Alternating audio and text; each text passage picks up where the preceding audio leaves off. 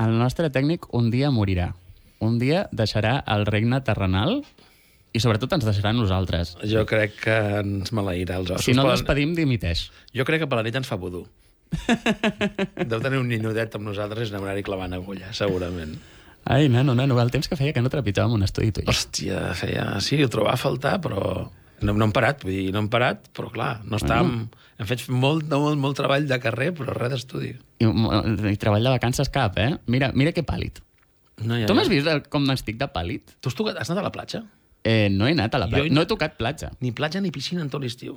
No he tocat platja. A més a més, amb, el, amb els cabells que porto, que sembla que cada cop he, he, de desaparèixer en decoloracions, Sí. mm, pots, pots entendre que... I, i, i ja, que mm, desapareixeré. Jo també desapareixeré algun dia. I ja et puc dir que no serà per anar de vacances.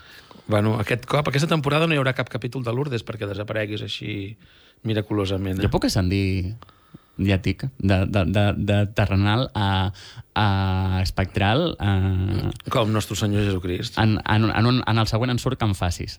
Perquè Uh. sempre ho estat pel... Mira, si ho passo malament. Ai, pobret. tu no tens ganes de tornar a la vida als Prats? Ai, sí. Trobo a faltar. Jo trobo a faltar la casa de la Pradera. Ai, carinyo, la Casa de la Pradera es va, es va iniciar el 1974, crec. Jo tenia 4 anys i era molt fan de la Laura Ingalls. Sí, no va tenir un, tema, un salset. Bé, és igual, és igual. Va, va ser un, tot un serial a l'època. Escolta, crec que tens algú darrere. Ja hem convidat a, a gent Oh, aquí. hòstia, clar, són els convidats, hem de fer el programa. Ah, que tenim convidats? Sí, que tenim convidats, anem a fer el programa. Ah, doncs Vinga. fot-li. Ma perché? Perché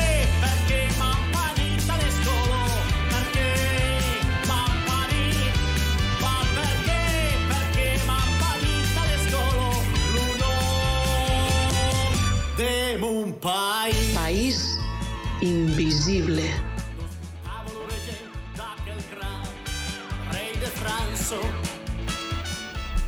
Hola, hola, viatgers, i benvinguts en aquesta eh, segona temporada de El País Invisible. Què feu per aquí? Tan alt, tan lluny i tan a prop a la vegada. Uh, benvinguts de nou en aquest programa d'entreteniment entre Occitània i Catalunya. Eh? Avui estic amb el uh, meu número 2, el espectacular, eh, més... Eh, què? El, el, el, el conegut més conegut de l'occità, el diccionari revers i pervers eh, Ferriol Massip. Bon dia, jo, com sempre, a la dreta, assegut a la dreta del pare. Sí, però te'n deixes més a l'esquerra. Jo sóc esquerrano, sí. Vale. Però escric amb la dreta, eh? Tornem-hi, tornem amb aquest ca- camí d'engrunes deixat per artistes, cantants, escriptors. Tenim un escriptor amb, amb nosaltres avui, que és en Manel Zavala. Hola, el, Manel. el tenim avui i el tindrem uns quants dies, no? Sí, en efecte. En Manel Zavala és el nou col·laborador del País Invisible que farà una secció.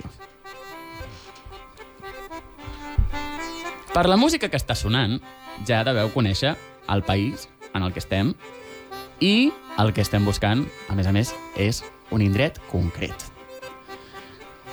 Aquí al País Invisible juguem a descobrir on som a través de unes quantes uh, pistes que ens revela el nostre amic Farri. Uh, bé, avui, per la, ja, la música ja ens ho diu, som a la Vall d'Aran. Mm, sí, si teniu aquest coneixement. La música és de la Vall d'Aran. Som... Saps allò que diuen que des de dalt d'un campanar sempre es pot veure el campanar veí? A Tots els M'he pobles... passat, m'he passat l'estil- l'estiu dient-ho i he quedat fatal per dir-ho. per això mateix t'ho anava recordant. Però vaja, és que realment, és veritat, de tots els pobles de la Vall d'Aran, de tots els campanars es veu el campanar d'un altre poble, excepte d'aquest poble on som. Des d'aquest campanar Perquè no es està en veu... una vall molt fosca? Perquè està molt lluny. Està molt lluny de la resta de pobles. És el poble més alt i el poble més allunyat de la Vall d'Aran. Veu, veus com el tema del campanar porta molts, moltes confusions? Som a 600 metres d'alçada. Ui! 1.600, eh? O compte. Jo crec que és el poble més alt de tota la Vall d'Aran. I podríem dir que som el terçó de Pujolo o és massa pistes? Home, clar, si estem a Altaran hem d'estar a Pujol o Parnassos. Sí, o no, perquè totes les muntanyes, a d'Aran també hi ha muntanyes molt altes. No tan altes.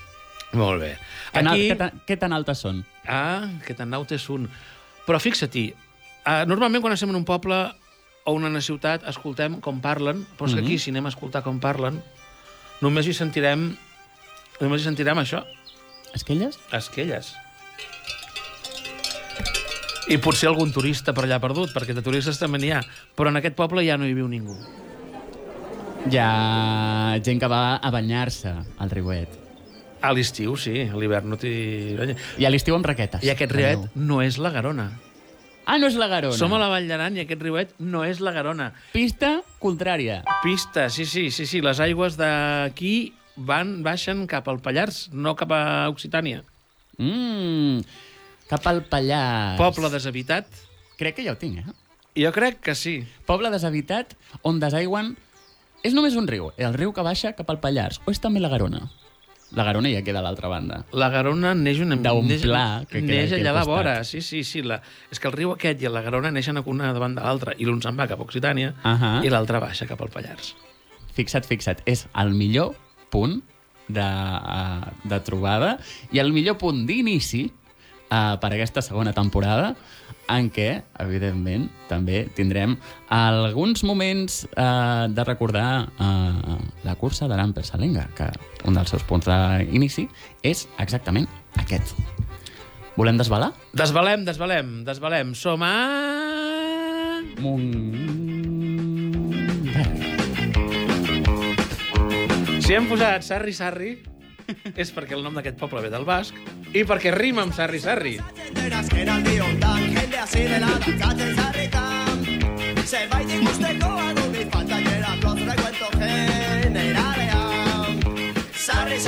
I ara-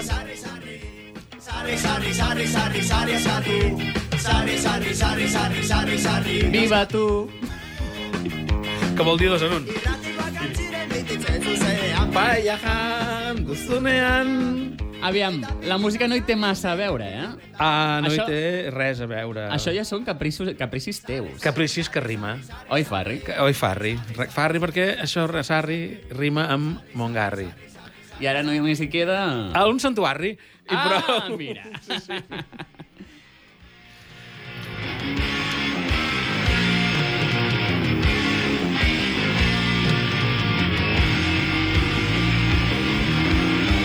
Com dèiem, només hi queda un santuari i un restaurant. Allà a la rectoria ja han fet un restaurant.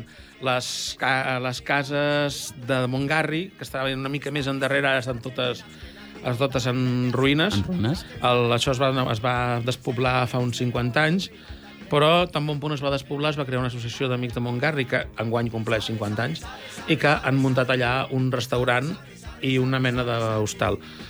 Però és que Montgarri era... Era, Era. era.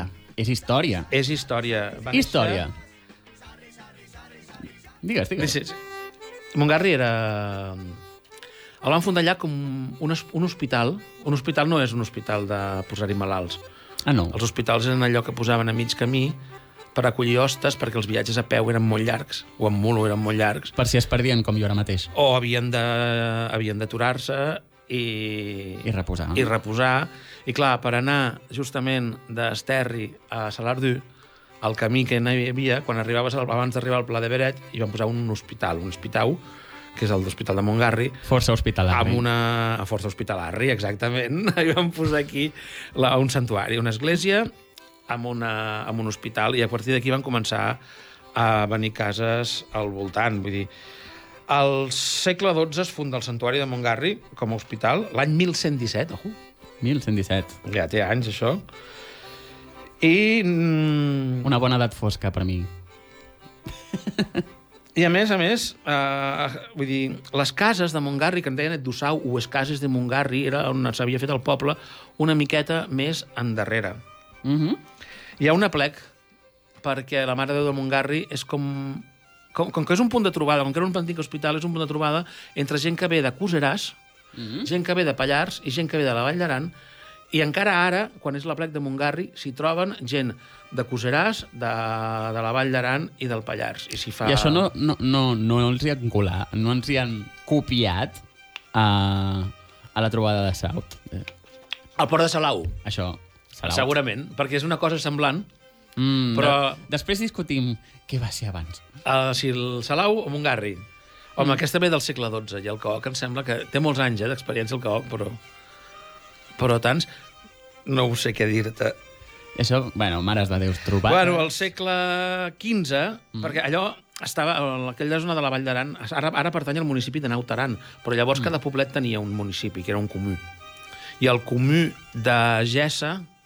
No, era del comú de Salar... El, el, el, tenia ajuntament propi, però es va quedar el comú de Gessa. Crec que Salardiu va donar el comú de Gessa i de Tredós. Mm -hmm. Total, que fins ara el capellà que ho porta és el capellà de Gessa. I justament avui tenim la última persona que va néixer a Montgarri i que després va viure a Gessa. Que xulo! Mm, doncs mira, ara és el moment perfecte per donar-li pas a la Viviana. Hola. Hola, Hola Viviana. bon. Com et trobes? Bé, Ai, comencem la segona temporada amb el fascinant poble de Montgarri eh, i serà un viatge en el que ens acompanya eh, la Viviana, que és l'última persona que va néixer al poble de Montgarri abans de que aquest fou, fou abandonat. Uh, Viviana, sí. uh, quants anys tenies quan vas marxar a Montgarri? Doncs jo vaig néixer al març Sí. i vaig baixar a Llesa el 2 de juliol. Tenia, doncs, mira, quatre mesets. Març, abril, maig, juny. Uh -huh. I el dia 2 de juliol és quan em van batejar a l'església i és quan vaig baixar cap a Llesa, que és el meu poble de, que he viscut tota la vida, pràcticament. Clar, és a dir, que a Montgarri uh, l'hem fet servir... Bueno, és, és, eh, hi havia la part d'hospital, el que passa és que estava a, a dalt de la muntanya. Eh, en algun moment eh, la gent va deixar de pujar. Què, eh, què va passar? Perquè eh, es va, va, va començar a haver-hi un... La gent va començar a baixar en comptes de pujar a Mon- a Montgarri. Jo crec que el santuari seguia funcionant com a santuari, Sí. però la vida de pagès allà, Sí. la vida del ramader allà, a, a 1.600 metres d'alçada, no era... Mm. Però va, van, dir, va, durant molts anys hi hem viscut, però... Molts anys. El que passa que hi havia moltíssima gent, o sigui, estava tot habitat. El que passa que després la gent ja, ja no podia ser, era, no. Què van fer? Doncs uns anaven cap al Pallars, uns altres cap a la Vall d'Aran, diguéssim cap a Mm. eh, Iessa, com jo, en el cas dels meus Mhm. pares, uns altres se'n van anar a viure a Obert i, i ja la gent va marxar d'allà. A què, a què es dedicaven els veïns de Montgarri?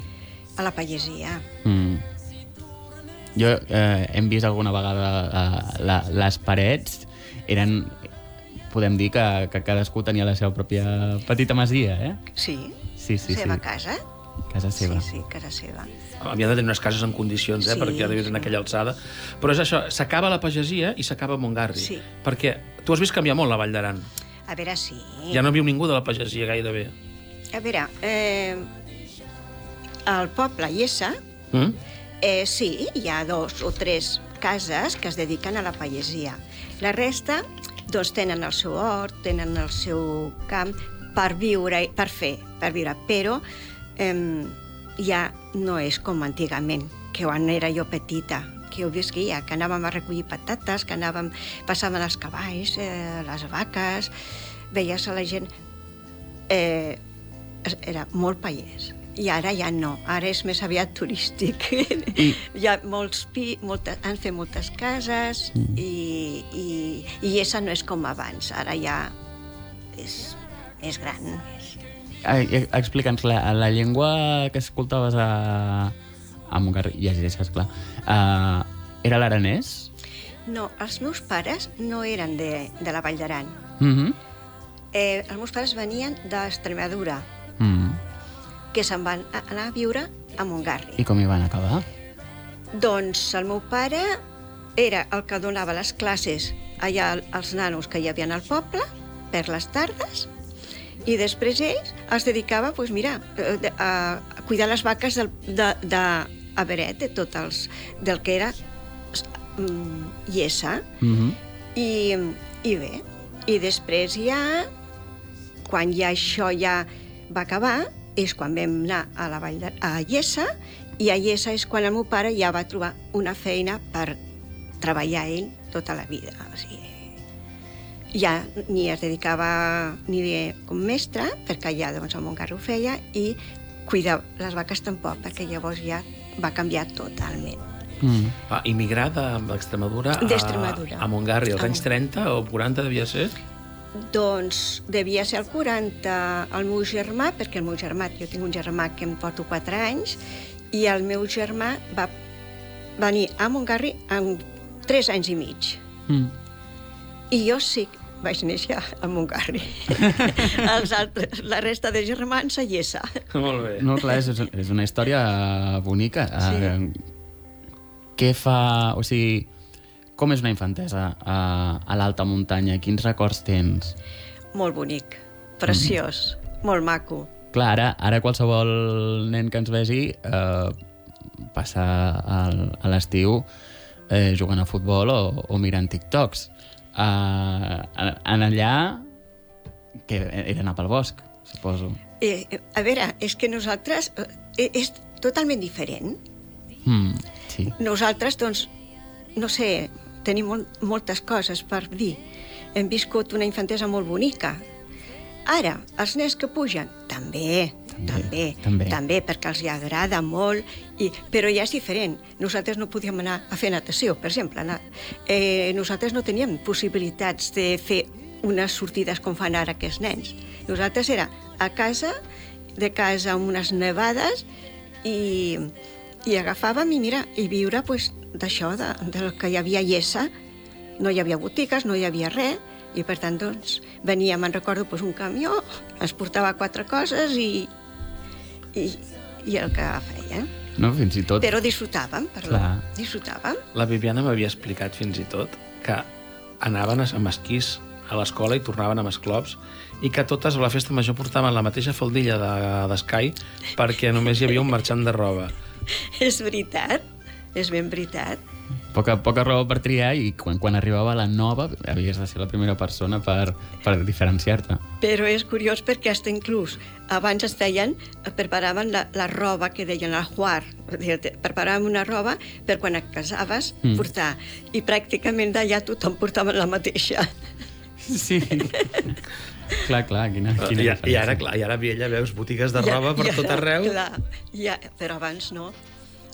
I mm. sí, per exemple, on va, una cosa que em va passar a mi i sempre me'n recordaré, que quan sortíem de l'escola anàvem a casa d'una senyora encantadora, una àvia d'una amiga meva, i tenia pues, doncs, el foc amb la...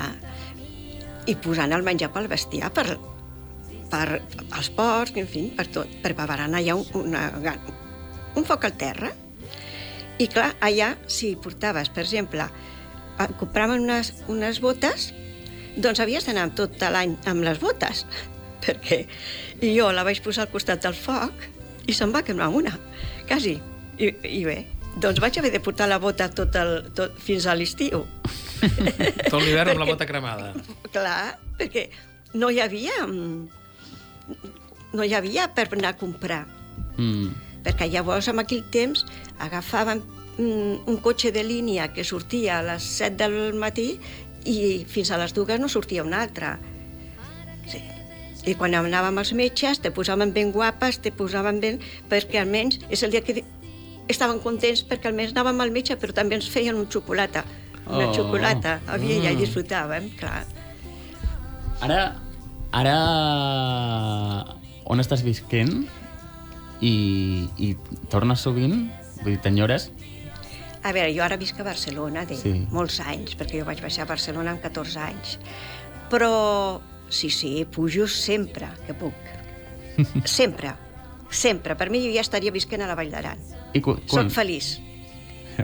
Tu, tu i jo també. Eh, quan eh, estàs, estàs en contacte amb l'associació d'Amics de Montgarri? Eh, sí, he anat diverses vegades a que fan un sopar a Montgarri, que el fan a l'agost, però ara no me'n recordo ben bé la data. I, I sí, sí, molt, havia anat, molt. Es veu que el Santuari de Montgarri i l'Associació d'Amics de, de Montgarri eh, el, el que van fer és començar a recuperar eh, l'església i després la rectoria. Entre les dues coses també van refer les parets del cementiri. I ara, eh, si algun cop pugeu a Montgarri i veieu que allò està tan net i polit, és perquè eh, molta gent eh, que també eh, estima a, aquest lloc eh, n'està cuidant. I cada, cada juliol? O cada, ma- cada Mare de Déu d'agost? A la plec de Montgarri, El 2. El 2 de juliol El 2 de juliol. eh, és quan es fa una plec molt maco, que porten doncs, els músics de Iessa, Mm. perquè és justament eh, la festa major de Iessa, i el dia 2 es puja a Montgarri. Aquell dia 2 es fa una gran festa, fan, posen unes bosses amb pa i formatge, el vi, posen la xaranga, fan una missa preciosa, i és curiós perquè cada cadascú, per exemple, hi ha un arbre que és l'arbre de Iessa, Mm. i ja tots els de Iessa estan allà, i s'ajunten i allà doncs fan, dinen i, i fins a la tarda. I fan una missa i tot molt bé, molt bonic. I el dia 15 d'agost també es fa una altra festa, però aquesta mm, és, diguéssim, és, és com venen els francesos els, i els que som d'allà i celebrem la festa que és que molt maca, però ja no hi ha la festa tan grossa, diguéssim, com la que fan el dia 2 de juliol. Ah, però també té, té un altre caire.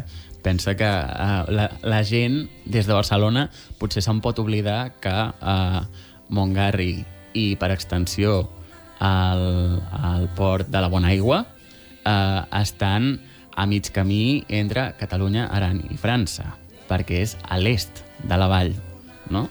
I nosaltres tenim tendència a imaginar-nos la vall com que va de dalt a baix i que la disloquem una mica en el mapa, eh? és que la Vall d'Aran fa com una mena de revolt i és, no és recta, eh? és una vall és una vall transversal que al final gira i se'n va cap al nord. Escolta, Viviana, a més a més de donar-te les a, enormes gràcies d'estar aquí en el, en el primer programa, eh, ens hauries de dir... Eh, coneixes la cursa d'Aran per Salenga? Sí, molt. Sí? Jo l'he feta. Des d'on? Des de Llessa, des del meu poble, Caminant, eh? caminant fins a Viella. Quantes hores? Doncs mira, anem a tranquil·lets, eh? A poc a poc, però bé, bé. Però ben bé, una hora i mitja. Bé, A veure, a poc a poc hi ha molts que ja no reu fan, però eh, nosaltres anem més xino-xano, però fem... Sí, sí.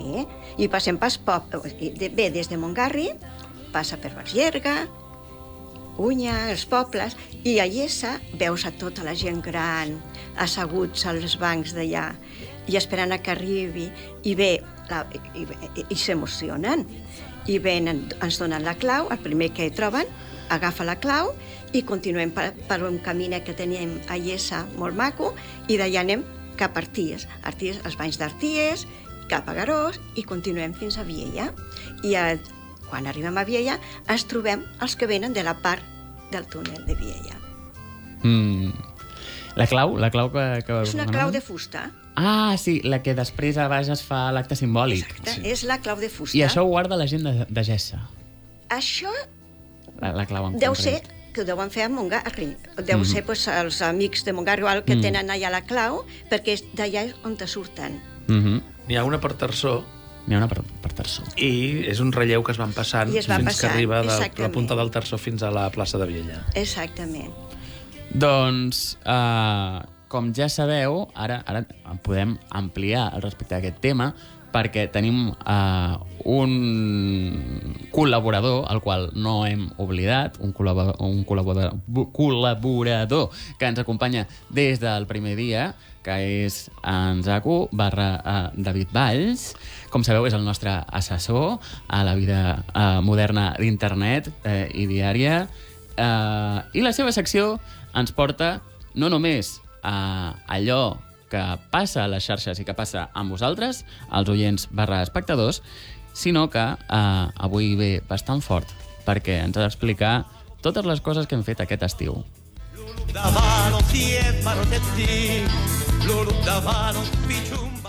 Bon dia a tothom i bon dissabte. Tornem a ser aquí, i tornem amb força tot i no haver parat en tot l'estiu. En aquesta nova temporada de País Invisible us convido a totes i a tots a descobrir i ser part d'una Occitània diferent, l'Occitània a les xarxes. Navegarem pels oceans tecnològics i descobrirem junts tots els racons occitans d'internet, que ja us dic que no són pocs. Aquest estiu, l'equip de País Invisible hem engegat una campanya que hem anomenat Juliol en Joc, ensenyant a través del nostre canal de Twitch diversos jocs populars que també estan en occità. A vegades, dins de la nostra rutina i automatisme diari, no posem atenció als detalls. Sovint, quan naveguem per internet, veiem una pel·lícula o juguem a un joc, ho fem amb l'idioma que ve prestablert. I a vegades podem passar per alt que estan més idiomes, com el català o l'occità. Per demostrar-ho, aquest juliol, juntament amb Francesco La Fornara, vam estar jugant aquell joc tan popular entre la canalla. Sí, sí, aquell de quadradets i blocs, aquell que és tot quadrat. Sí, home, sí, si ho saps, el, el Minecraft. Però hem estat fent en occità. I és que el Minecraft és un d'aquells jocs amb moltíssima col·laboració entre la comunitat. Tanta que fins i tot existeixen pàgines per traduir-lo a d'altres idiomes i entre aquests podem trobar l'occità. Si ben és cert que fa molts anys que existeix en aquesta iniciativa, Minecraft és un joc molt ampli i ara per ara ja ha aconseguit el 70% de la seva traducció, que qualsevol pot instal·lar i jugar i us ben asseguro que trobareu pràcticament tot en l'idioma. Com sabeu, en Francesco va ser aquí amb nosaltres en dues ocasions la temporada passada, així que vam aprofitar la benentesa per conèixer una miqueta més d'ell i del seu projecte Lingue Dialetti Punit. I que no ho escolti ell, però també per riure'ns una miqueta de la seva poca traça amb el Minecraft. Avancem, vam descobrir també la traducció del joc de Stardew Valley, o dit en occità, Bau Serena, i també d'un joc que ha sigut motiu de notícia a tot l'estiu per ser el primer joc en versió original a l'occità, Dordonya. Un nou videojoc d'aventures i puzzles en 3D, amb una estètica artística impressionant i una narrativa captivadora. Ambientat a la regió de Dordonya, l'històrica regió occitana del Perigord, seguim les emocionants vivències d'una jove, la Mimí, que torna al seu antic poble per reviure records de la seva infància i superar els obstacles emocionals que ha experimentat en el passat. Oh! Duple brave! Teorio i prene no fot... fa chi? Coi Mattero. Défendu d'intra. Le panaire del mercat! C'hai pas un ponaire. Ma be compris? Tournez pas dire quel mot. Fa un humà imprunta. Imprunta? Vam plorar tots junts de l'emoció i vam poder parlar amb el seu localitzador a l'occità, Denis Chapdel o Tristan Gaús, en una entrevista que podreu trobar en format vídeo al nostre canal de YouTube. Tots aquests directes van culminar finalment el 30 de juliol amb motiu de la cursa d'Aran per sa llengua. Vam desplegar tot l'equip de País Invisible direcció a Viella. Amb els cotxes carregats fins amunt de material i amb l'ajuda imprescindible del nostre company Eric Laquente, que si recordeu vam convidar a l'episodi- a l'episodi 12 de Salardú a la primera temporada, vam muntar una carpa al vell mig de la plaça de Viella, al davant del Consell General d'Aran, per retransmetre en un directe de gairebé 3 hores l'esdeveniment. Va ser una jornada realment increïble. Per una banda, en Seb i en Ferriol van pujar a primera hora fins a Beret per després anar a parar a Montgarri, al poble on ens trobem avui, per seguir de ben a prop els corredors que sortien en direcció Viella. Anem a escoltar algun dels talls que ens han deixat. Bon dia, País Invisible. Estem a 1.600 metres d'alçada, tan amunt com el Santuari de Montgarri, on es realitza la sortida de la cursa d'obstacles d'Aran per Salenga. En aquí veurem com a les 11 i mitja, a les 12 segons algunes fonts informants, sortiran els més valents que hauran d'intentar escalfar de la millor manera possible en aquestes alçades per eh, fer a la cursa eh, el més ràpid possible mentre salten per sobre d'excavadores, detonacions, esquiven bales de neu dels canons i realitzen la coneguda salta de pèrtiga per sobre dels bassals. Un cop hagin passat el pla de Baret, comença la fase 2, en què han de fer la croqueta amb mirar de no estimbar-se com un chino culeiro i acabar en orri. Això era Iglesia, era Iglesia de Montgarri. D'aquí surten, encomanats per la Mare de Déu de Montgarri, els que van des del Pujol, des del terçó de Pujol, amb ella.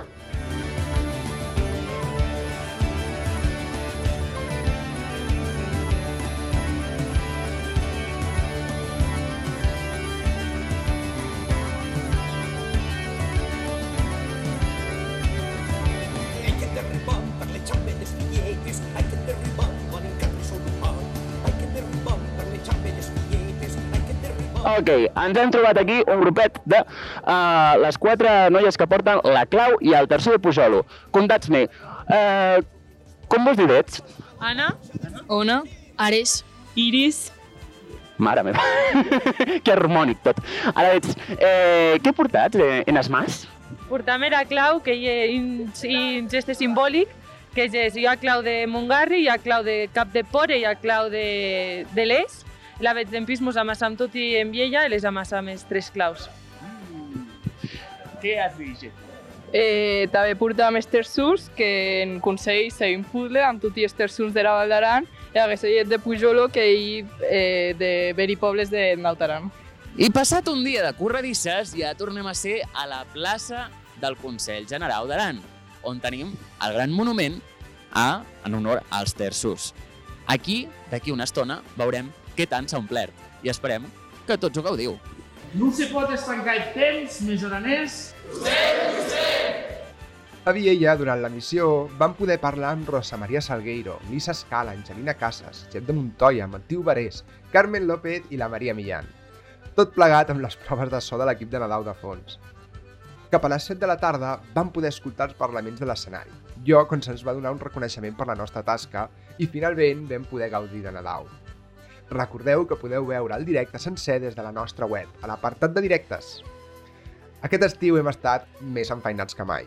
I és que no podem oblidar-nos d'agrair a tota la gent que va participar en la nostra campanya de micromecenatge que vam fer a través del Tot Suma.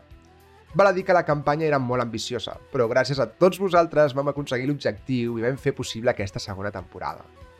Com sabeu, tots aquells que van fer una donació per sobre dels 60 euros figuren a la llista de crèdits de la segona temporada a la web, i aquells que ho van fer per un import de més de 100, també els crèdits del final de cada programa en vídeo. I eh, que no ens oblidem de la nostra promesa, eh? Creieu-me si us dic que estem com bojos emplenant postals i aviat començarem a fer l'enviament de les postals, les tasses i les samarretes. Bé, com he explicat a l'inici en aquesta secció, anirem descobrint l'occità internet. No només llegint els vostres comentaris i aportacions, sinó també ensenyant tots els racons en occità que trobem per les xarxes. Com ara comptes a xarxes socials, videojocs, canals de YouTube, de ràdio, televisió, però també pàgines web. I quina manera millor de començar la temporada parlant d'una pàgina molt especial per nosaltres. La pàgina de paisinvisible.cat, que després de molta feina i esforç renovem i estrenem amb un nou rentat de cara aquest mateix any. Hem volgut posar l'experiència d'usuari, vosaltres, en primer pla. Ser un podcast present en múltiples xarxes i plataformes està bé, però clar, molts cops això acaba diluint el contingut que fem i que es perdi entre la gran quantitat de xarxes per molts de vosaltres. Per això, la nova web de País Invisible és i serà un portal que ho englobi tot. Des d'allà, usuaris que ens veieu, però també els que ens escolteu, trobareu tot en un mateix lloc. Podreu enllaçar des de cada episodi a tot el contingut relacionat que hi pugui haver, com ara entrevistes més extenses, directes o vídeos addicionals, i fins i tot a les actualitzacions i notes de premsa que oferim. Per fer això, algo més fàcil encara per vosaltres, hem implementat l'opció de registre, on podreu desar en una llista personal tot aquell contingut que vulgueu veure o llegir més tard, per no perdre-us res.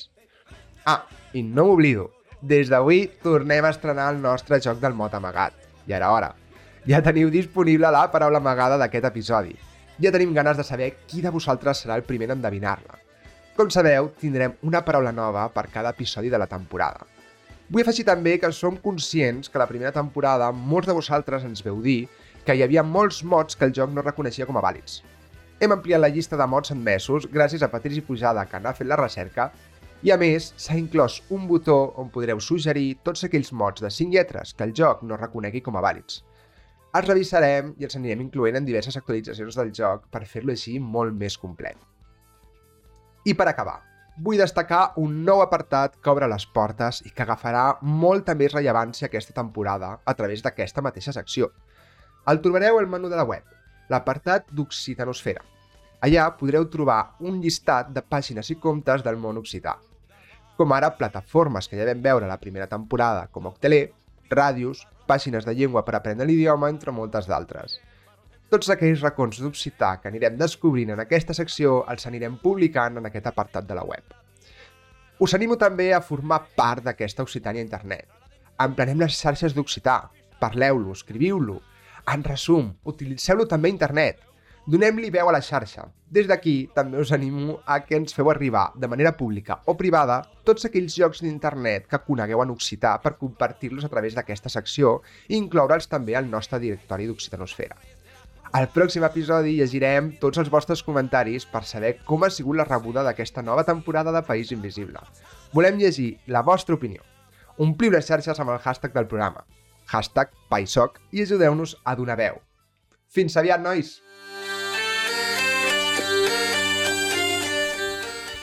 Moltes gràcies per aquest comunicat. Uh, avui eh, estem a Montgarri amb la darrera persona nascuda a Montgarri, la Viviana, uh, que et convidarem a quedar-te al que, al que resta del programa i estem superemocionadíssims de tenir-te. Molt bé, moltes gràcies. No et preocupis si vols fer qualsevol aportació, uh, aquí estem i ara canviaré la meva atenció cap a una persona que no eh, em pot semblar més amenaçadora amb la samarreta que porta avui, però no ho diré. Uh, el, el Manel, uh, el nostre nou col·laborador, eh, ha vingut a, a, amb nosaltres eh, amb una certa trajectòria dins de l'Associació per la Difusió d'Occitània a Catalunya i volem que ell mateix eh, es presenti i ens expliqui. Bon dia.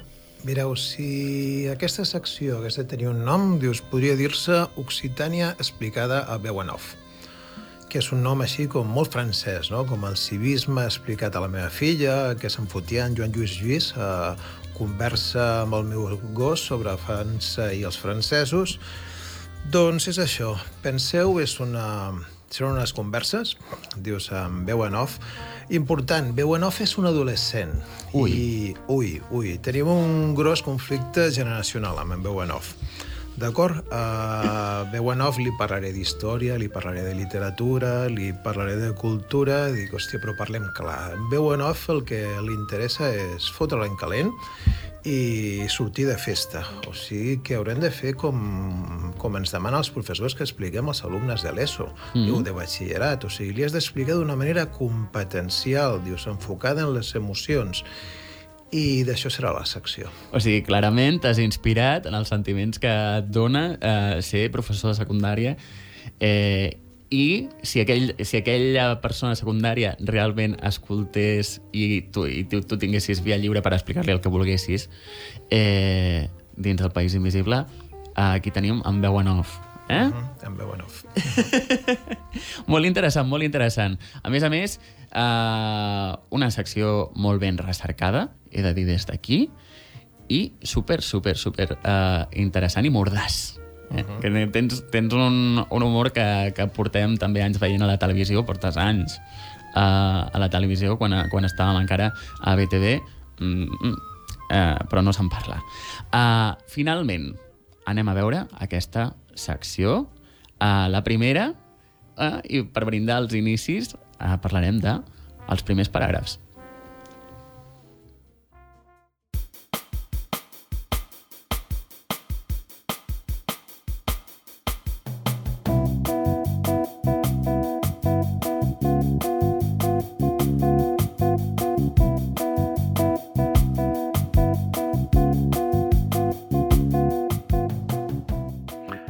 Adícies Pratus, amics. Bon dia a tu també, veu o no?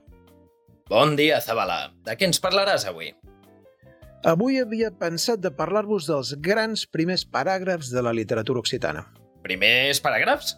Sí, en literatura els primers paràgrafs són importantíssims, perquè la gent cada vegada és més refotudament ignorant, la gent no llegeix mai, o gairebé mai, sobretot la gent jove.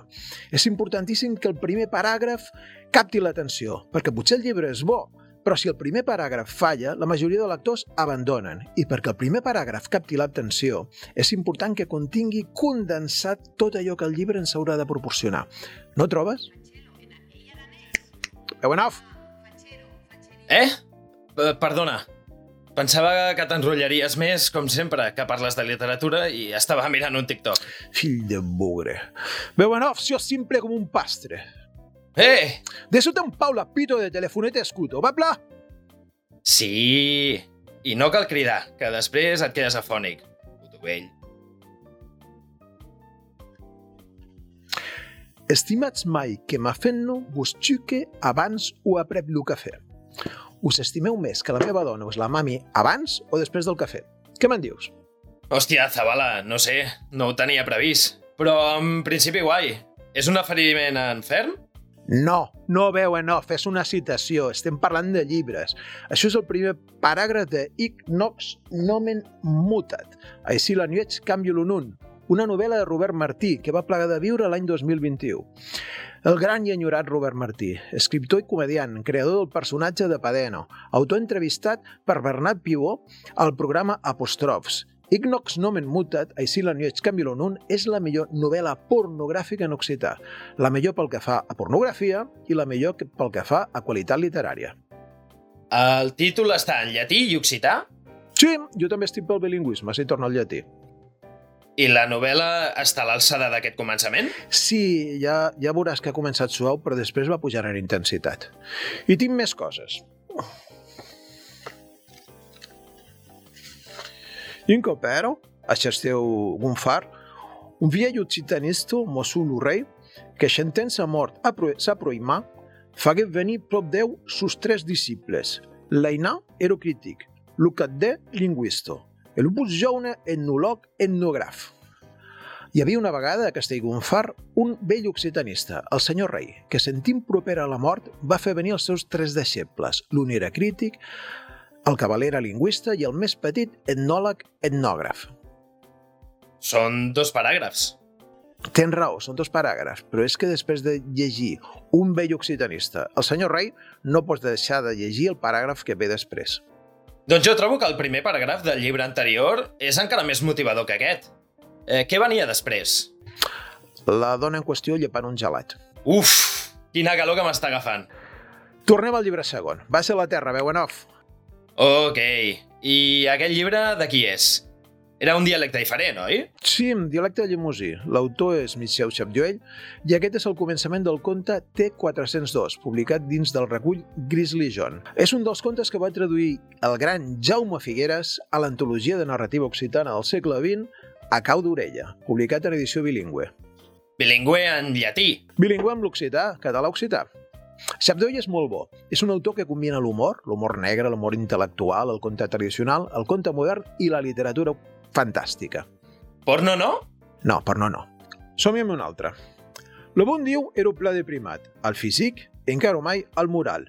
Ren anava pas pis per l'eterne. Al cap d'una setmana d'una creativitat a vos metre de quiols, fasió peno de l'obeire i l'ocell se perdió en qüestionaments. El bon Déu estava ben deprimit, físicament i encara més moralment. Res no anava bé per l'etern. Al cap d'una setmana d'una creativitat a caure de cul, feia pena, pena de veure'l i el cel es perdia en interrogants. En occità, deprimit es diu deprimat? No, en occità deprimit es diu deprimit. I en tot cas podíem mirar si acceptem la variant depri... depremit.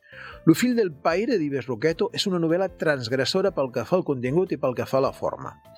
Pel que fa al contingut, et diré que el protagonista és Déu. La història és que si Déu li fa un fill a la Verge Maria és perquè té, és perquè té ganes de... com ho dic? De bicar, de biquejar, de butalevar, d'enfornar, d'enquillar, d'enconillar, de fa la far, de fa la cabussoto, de jugar de la tarabelo, de fa gin-gin, de jugar al palfic amb una dona humana. Saps quants Zeus baixa de l'Olimp en forma de signe per fer-s'ho amb l'Eda, l'esposa de Tindàreu, rei d'Esparta? Em sona del batxillerat, això. Doncs ara canvia el signe per un colom. Que bèstia. Sí, doncs pensa que l'autor és germà de Capellà, de l'home que ha traduït tota la Bíblia a l'occità. I dius que també és un llibre transgressor en la forma. Sí, Goita que et deprimar a la primera línia. Això està fet a propòsit amb tota la intenció de putejar i discutir-se amb els correctors del sector d'edició de l'Institut d'Estudis Occitans, i amb Robert Lafont, en particular. I hi havia mal rotllo? Un mal rotllo del cagar.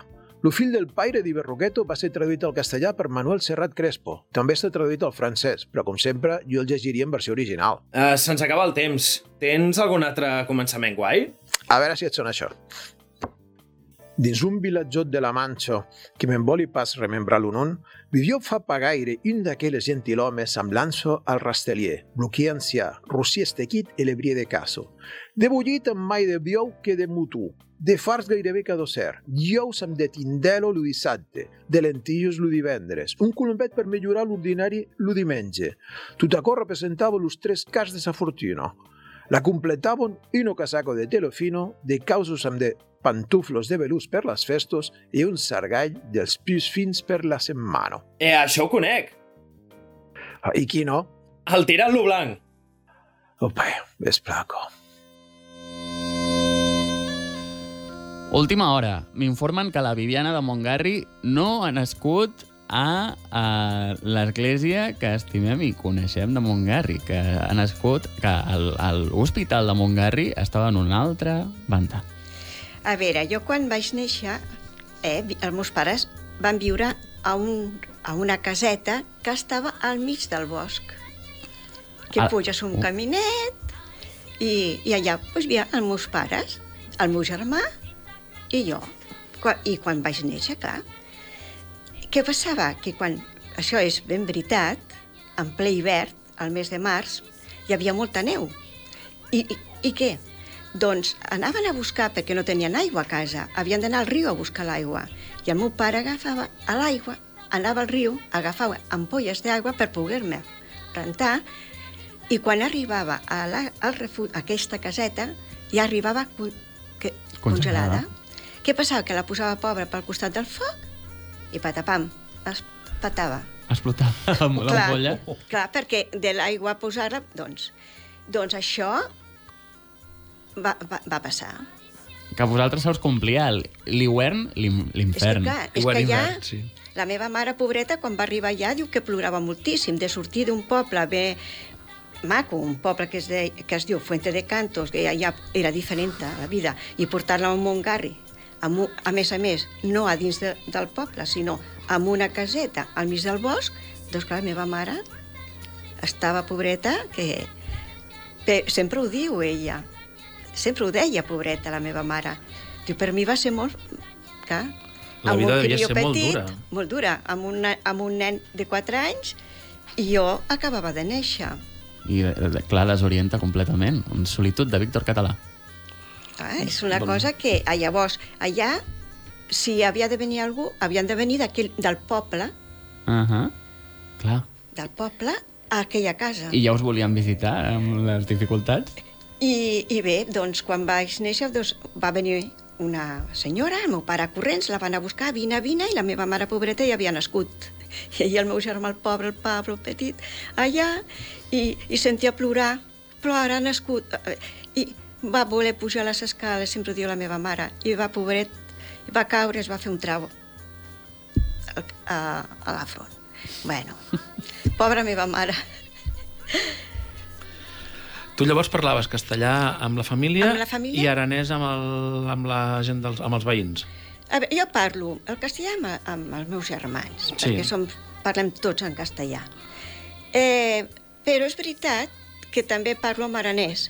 Ara més que abans, perquè inclús intento parlar més a l'aranès. I, i, I segons a quines persones que ja són més grans, els hi parlo en aranès. Mm. Però si no, parlo més català. Però sí.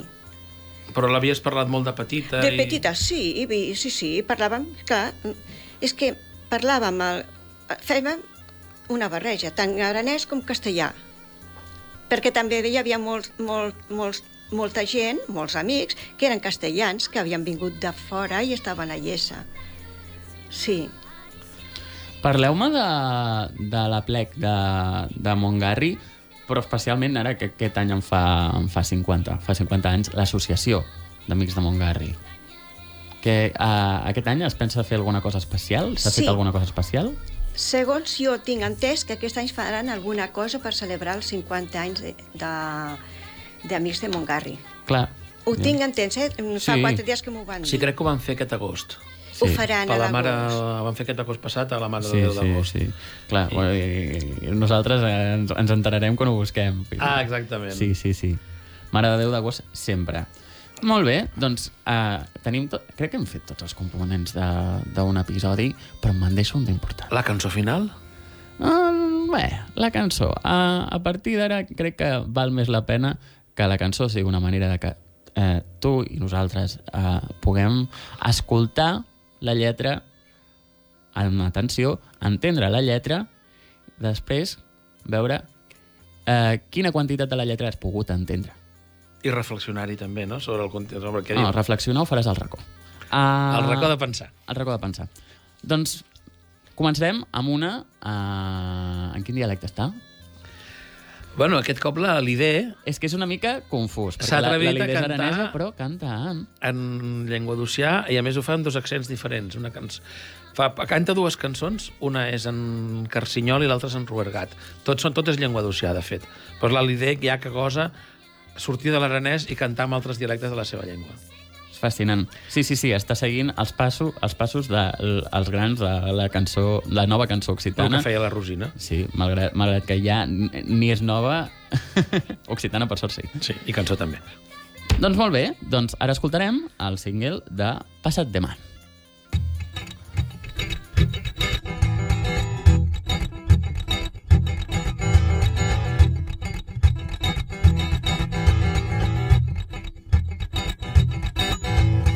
Passat demà i un meu marit i cosí veniu-vos convidar. Passat demà i un meu marit i cosí veniu-vos convidar. Se volet, dansar venem me veire, se volet, menjar venecios pas, se volet, dansar venem me veire, se volet, menjar venecios pas. L'un novi diguet a la nòvia un metre em jaire lo così. L'un novi diguet a la nòvia un metre em jaire lo così. Avem dus lletin la cambretto dindu, segun pura dormir. Avem dus lletin la cambretto dindu, segun pura dormir.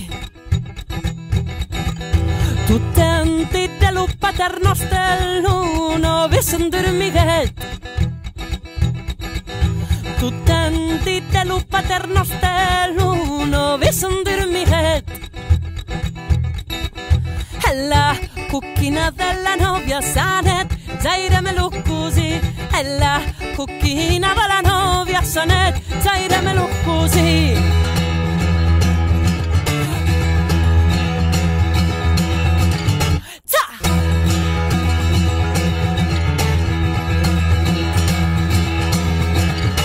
Così. Quan l'una avisa de rebella n'en fa tres cops el tour del lleig. Quan l'una avisa de rebella n'en fa tres cops el tour del lleig. Mentre si t'embraça la nòvia n'embraça el cap cuisir.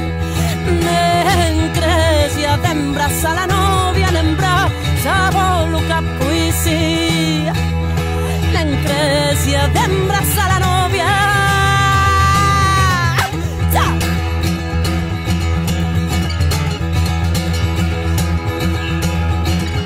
Ja!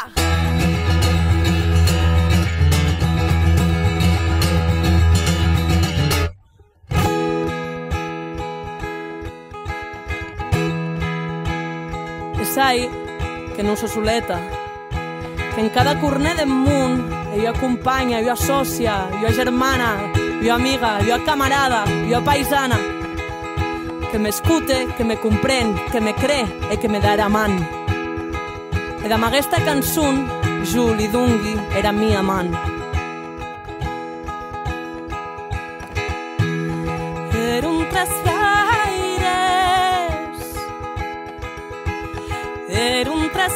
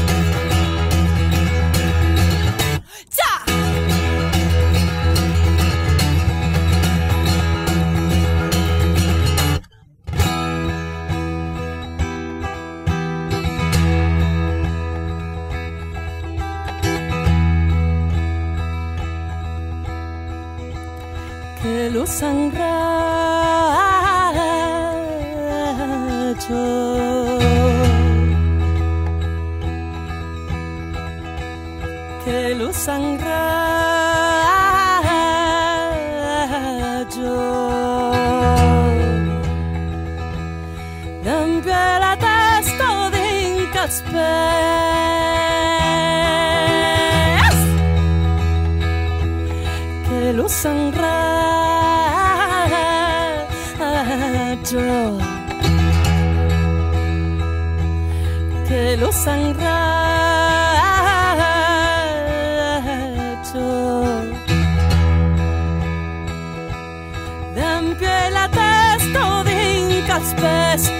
d'empie la testa dins els pes d'empie la testa dins els pes d'empie la testa dins els pes que lo sangracho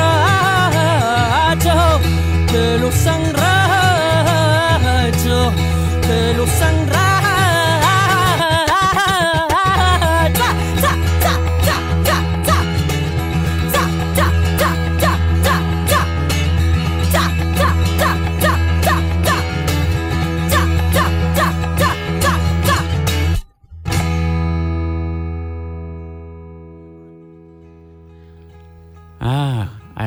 vist? Heu vist? O sigui, d'una banda tenim la l'idea, mm, puc dir, un nou referent de, del feminisme i de les esquerres. Uh, primer cantant una cançó misògina, dues, de fet. Ara entrarà la segona. Ara entraria la segona. Eh, I després diu, entre, entre totes les paisanes hi ha una camarada, una sòcia a la qual jo li estenc la meva mà. La Lídia ha triat aquestes cançons tradicionals on es banalitza la violència que pateixen les dones Mm. per, per com donar a veure, mireu, abans, quan pagaven a una dona, ho cantaven com una cosa normal. I ella ho està cantant aquí com horroritzada. Pum. I per això acaba dient tot això, no? Podríem explicar una mica la, la lletra de la cançó, què diu? Bueno, en aquest cas, la primera, que és Mhm. aquesta, passat demà, diu, demà passat em caso, uh, convida el cosí, Mm. diu, a més a més, hi ha un trosset molt, molt que ens explica com eren els casaments de l'època. Si vols menjar, no vinguis, però si vols ballar, vine. Perquè no tenim diners, però farem una gran festa. No us donem molt de menjar, però farem una gran festa. I tot, tenen tot muntat perquè enmig de la festa i tot plegat acabin la, la, la nòvia i el cosí dormint al mateix llit. S'ho fan anar bé perquè o, o, o passa... perquè aquella dona està casada per força. Ah. I per això convida el cosí que li vingui a... perquè el cosí era el seu amor, de, de fet. I és Ui. la història d'una dona casada per força. Aquesta és el primer cas. La segona, que sentirem ara... Bueno, això, vull dir, fixa't, el tema dels cosins. Podem pensar en els amants de la gent, eh? Exacte. Però ara, la segona part que ve d'aquesta cançó, que ella en junta dues, Sí? és... Ara és el cas d'una dona, tres germans, diu, la cançó es diu Eren tres fraires, Mm. i són justament mm, tres germans que mm, una dona ha sigut infidel i el marit la pega i els germans venen a apuntar-se a pagar-li. I al final la sang li cau de l'orella fins al peu. Que l'han tan batuda, l'han tan batuda. Escriu, descriu exactament tota la pallissa que li han fotut. I, i, i per això diu això de ser que hi ha una germana, una camarada, una d'això que m'escolta, que m'entén. Quin disbarat, eh? Però, uh, aviam, uh, si sabem que juntes som més fortes i que tenim el poder de generar un impacte de canvi, la pregunta és, què esperem? Què esperem? què esperem? Això és el que afirma la cantant aranesa, que aquest any està fotent una carrera eh, estel·lar en política eh, que a nosaltres ens ha vingut completament per sorpresa. L'any passat la vam tenir aquí com a... Eh, com a... Cantant. Com a cantant i sobretot com a part d'una plataforma eh, Reivindicativa per- reivindicativa pel seu poble de Bausen. Doncs pues mira, s'ha ficat en política municipal del seu poble i amb això ha arribat fins i tot a política més enllà de la municipal, vull dir. Sí, i he de dir que és fantàstica la, la reinterpretació que fa d'aquestes cançons. Eh? De, eh, en tenim una eh, que és a Passat de Man, que és una borrella tradicional, però que es va fer molt famosa el 1999 perquè la cantava el grup Cap Negre, i després la segona part és Eren tres fraires, una cançó popular, del Ruerga, popularitzada per Maria Ruanet, eh, coneguda en 1977. És a dir, mm, Velles Glòries, ara per mi ja em sembla una novíssima glòria. Uh, doncs ja hem explorat els encants de, els encants de Montgarri. Uh, volem compartir amb vosaltres les novetats de la segona temporada de País Invisible. En aquesta pausa, uh, que els oients i els espectadors ens heu trobat tan a faltar, hem treballat arduament i gràcies a l'esforç d'uns i altres, també els que han donat uh, el nostre, uh, a la nostra campanya de micromecenatge, podem ser avui aquí. És per això que des del fons del meu cor uh, t'abraço i et convido a que siguis amb nosaltres cada, uh, cada dues setmanes, els dissabtes, a El País Invisible per escoltar històries sorprenents d'Occitània, descobrir llocs increïbles i que ens puguem emocionar molts dies més.